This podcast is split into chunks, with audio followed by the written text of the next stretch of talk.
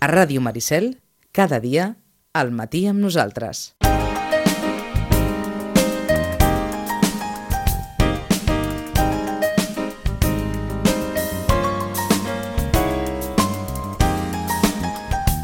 Ara que s'acosta Sant Jordi i podem recordar com, com fa un any de mai, potser per Sant Jordi, potser per Sant Jordi. Ara no els hi diguin això, eh? Perquè, perquè no, no ens en sortirien. Marta, bon dia, bona hora. Bon dia. Són soles, bon dia, bona hora. Bon dia. Això és allò riure per, per riure, eh? Perquè, què tal? Bé, S'acosta Sant Jordi. S'acosta Sant I el que Jordi, podem assegurar és que la biblioteca es viurà a Sant Jordi. Sí, això Eh? sí. Com l'any passat. Això és, això és el que es pot assegurar de, de, de ben segur. Altres coses no, però... Exacte. La Sonsoles té l'agenda sobre la taula. Sí. Per on comencem, Sonsoles? Doncs la propera activitat per adults serà el proper dimecres dia 12, el cicle d'onades literàries que ens fa la Helena Cejas cada mes i aquesta vegada ens parlarà sobre els brigadistes literaris. Ens farà un homenatge literari a aquests idealistes que ja estaven vinculats a l'escriptura o que es van vincular més endavant. Després he de recordar que tant aquest divendres dia 7 com el proper dia 14, com és Setmana Santa i els nens ja estan més per vacances i per, Que no per per anar a la cosa. platja, sí, doncs no hi haurà hora del conte. ni ho aquest deixarem. divendres, ni, Mhm. òbviament, el divendres sant, eh? Exacte, ni el divendres dia 14. Tornarem el dia 21 amb els contes ja, a més un conte dedicat a Sant Jordi. Ahà. Sí. Després comentar el que deies abans, eh, que la biblioteca modifica el seu horari durant aquesta Setmana Santa. De dilluns i dimecres farem l'habitual. Dijous obrirem només al matí, de 9 a 2, i estarà tancada des de divendres fins dilluns. Entesos? Sí. O sigui que la biblioteca oberta normalment dilluns, dimarts i dimecres, dijous al matí i aleshores tancada dijous tarda, divendres i Dis- dilluns de Pasqua. Dissabte, Dissabte també diumenge i dilluns de Pasqua. Exacte, molt bé. Vinga, més coses. Doncs si voleu, continuo amb la marató de lectura, que ja l'hem posat en marxa. Aquest any ja és la 18a marató que fa la Biblioteca Josep Roig i Reventós. És, que és eh, organitzada per la biblioteca i està dirigida a tots els nens i nenes que es vulguin aportar de 6 a 12 anys.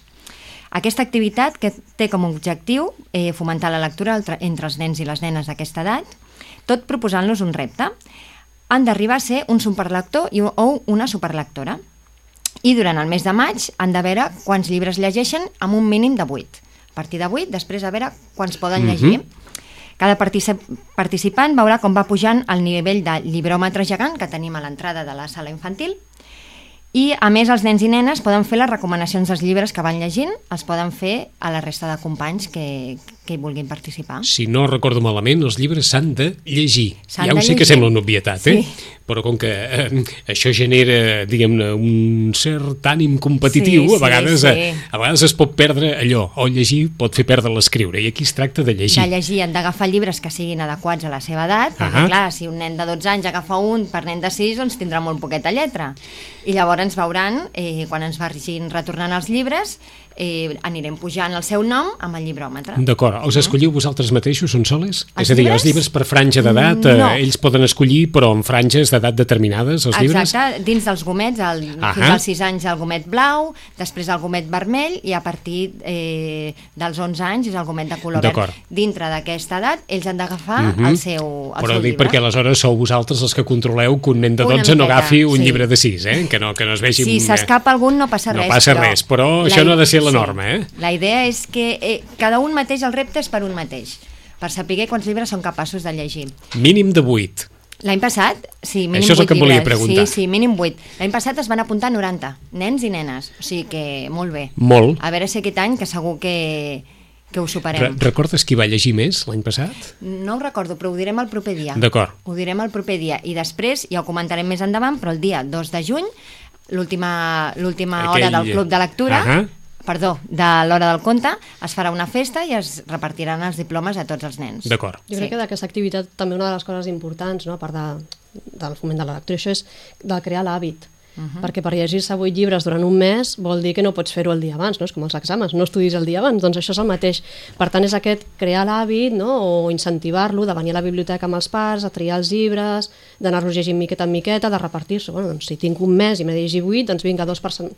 Bueno, és això, no? I mica en mica doncs crear aquest hàbit diari mm -hmm. o, o habitual de venir a la biblioteca i, i de llegir, que després això doncs, continuï en el temps. No? I sempre fem això el mes de maig, perquè encara no hi ha aquests exàmens de final de curs, no? Aquest, aquestes presses, i és un mes doncs, que, bueno, que després ve l'estiu que també poden dedicar més temps. Què més voldríeu vosaltres que a partir dels 12 aquest, aquest hàbit es mantingués, eh? Clar, sí. Que costa aleshores una- entrem en l'edat més, més, complicada. difícil. Sí, és el que sempre diem, que quan són molt petits, els pares que estan conscienciats i que li donen un valor al fet de llegir o que ells tenen aquest hàbit, no, també, doncs els porten, perquè encara venen amb, els, amb el nen de la maneta.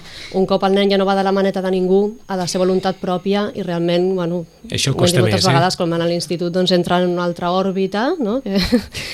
i llavors costa més. Que sí que el que li agrada llegir seguirà, però ho ha de tenir molt, molt arrelat. D'acord. I molt probablement torneu a veure aquests nens, però a l'hora d'estudiar, aleshores, no? Exacte, Sí, sí. No tant a l'hora de llegir, sinó a l'hora d'estudiar, anar a la biblioteca per, per estudiar. No? Sí, sí, sí.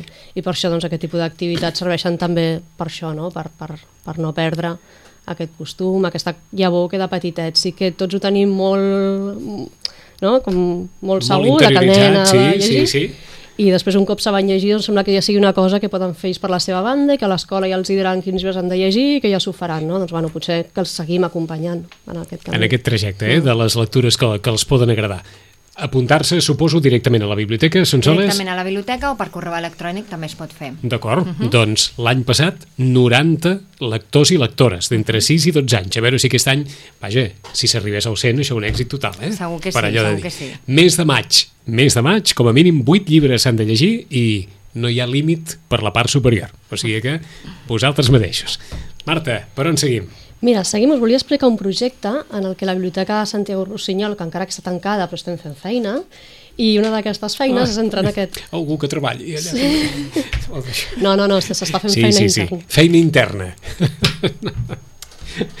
Feina interna. Saps què passa? Clar, el dia que s'obrin les portes... Deus estar amb el cap com una olla i amb les ulleres. Marta, quan? No sé què. El dia que s'obrin les portes, no, això no, serà. a veure, bé. jo, jo agraeixo a tothom que vas pel carrer i Ah, paren l'interès preguntant per la eh? biblioteca, això s'agraeix perquè vol dir doncs, això, no, que es troba a falta que hi ha un interès. I No- això no n'hi és ha una- deixat d'haver, eh? No, no, no, realment no.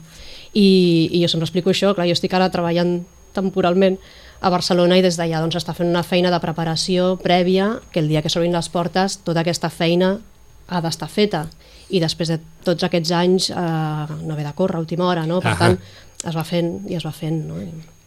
I una d'aquestes coses és que s'ha entrat en un projecte, perquè quan el dia que s'obrin les portes Estàs- pugui estar tot a punt, Sí. i aquest projecte es diu Projecte PIT, Punts d'Informació Turística. És un projecte de la Diputació de Barcelona, de la seva, del seu Departament de Turisme, i es va iniciar el 2013. L'objectiu és que en els municipis, en el màxim de municipis de la província de Barcelona, hi hagin el màxim de punts d'informació turística que no supleixen les oficines de turisme, evidentment, però sí que són en col·laboració, i qui, qui vol formar part d'aquest projecte doncs poden ser fins des de restaurants fins a càmpings, fins a empreses d'oci, fins a mil llocs, establiments i negocis que tenen turistes com a clients.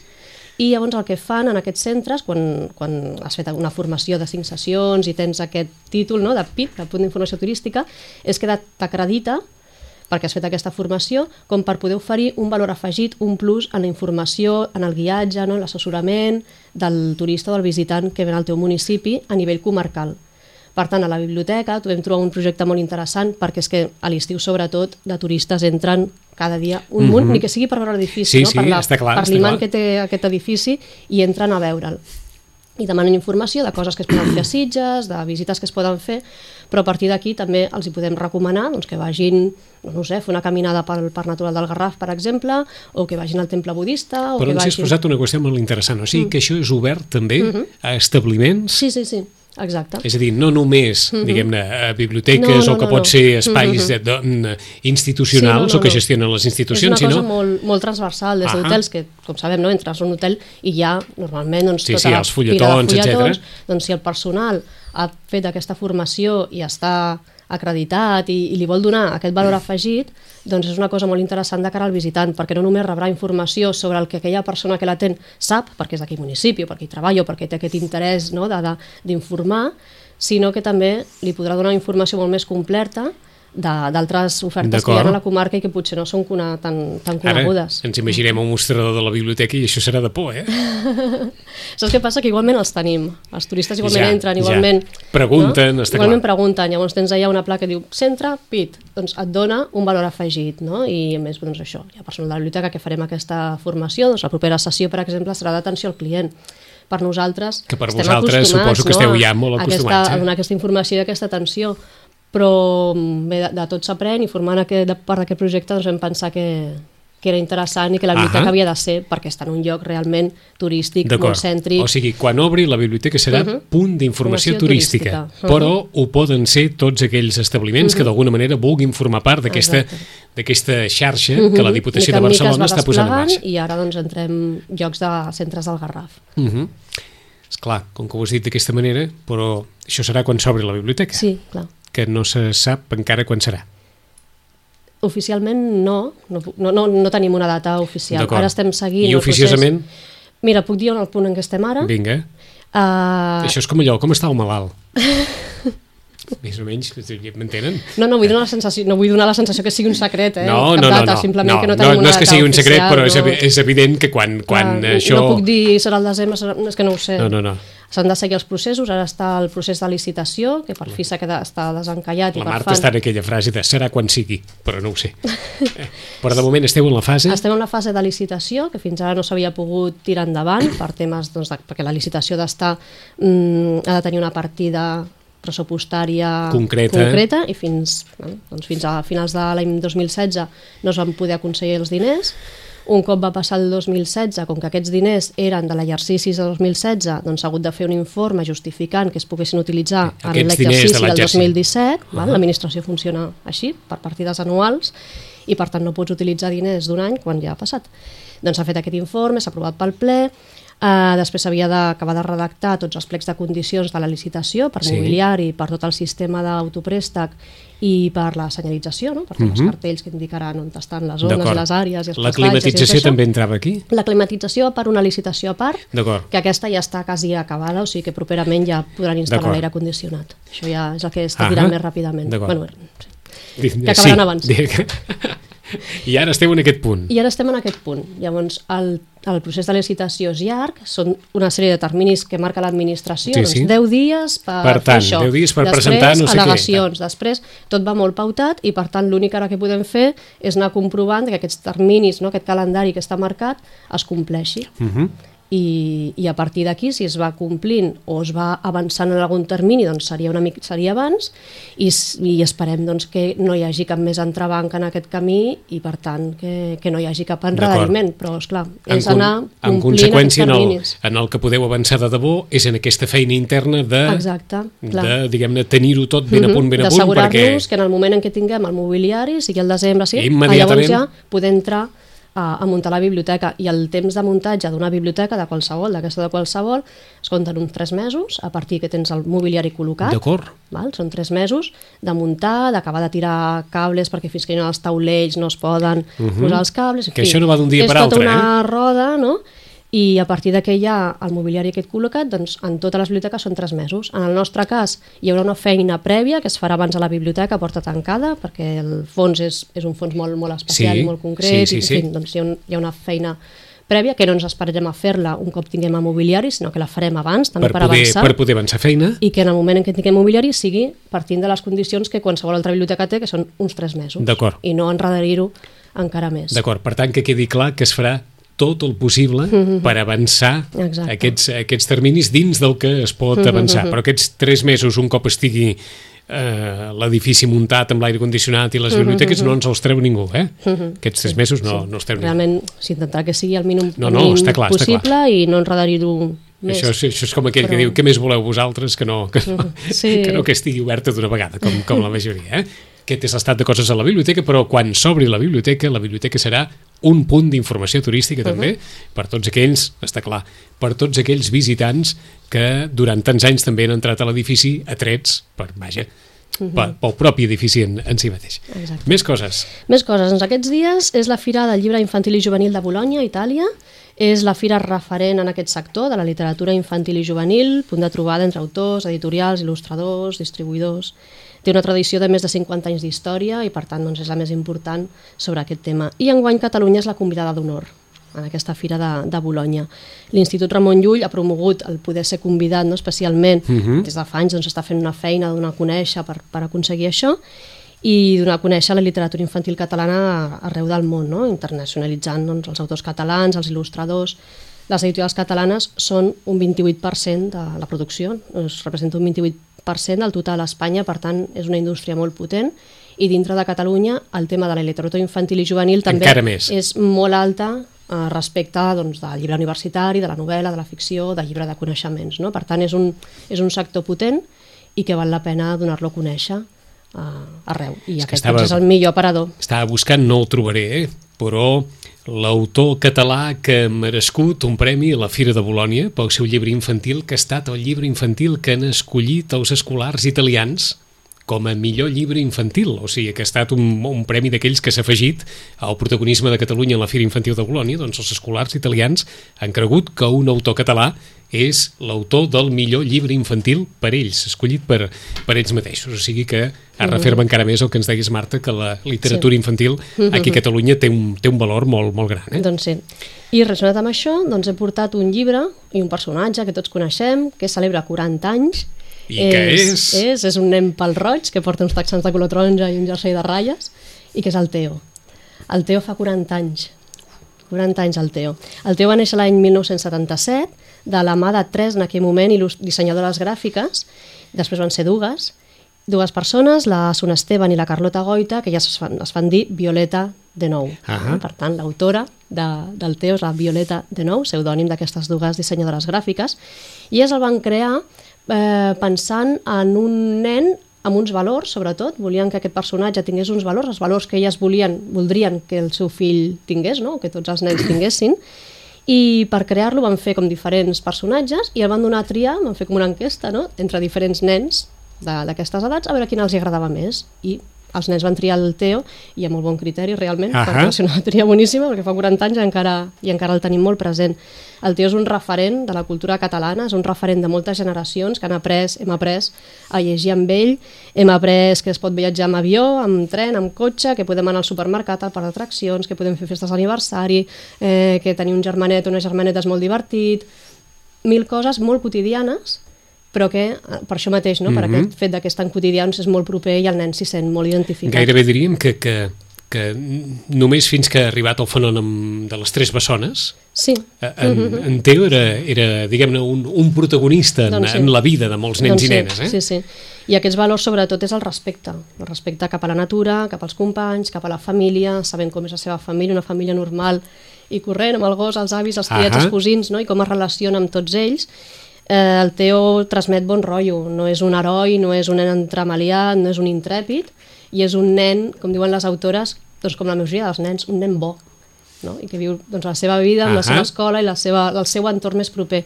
I en els dibuixos és el que veiem, molt de detall no? d'aquest entorn, i en aquests 40 anys també és molt xulo de veure com han anat canviant les coses i com les autores s'han anat adaptant, perquè com que, no tens a veure... Com que ens queda molt lluny en el temps, mm. eh, encara es produeixen llibres de, es del produeix el Teo, sí, sí, ara han fet un recopilatori de quatre àlbums en un, sí. en un sol llibre. Sí.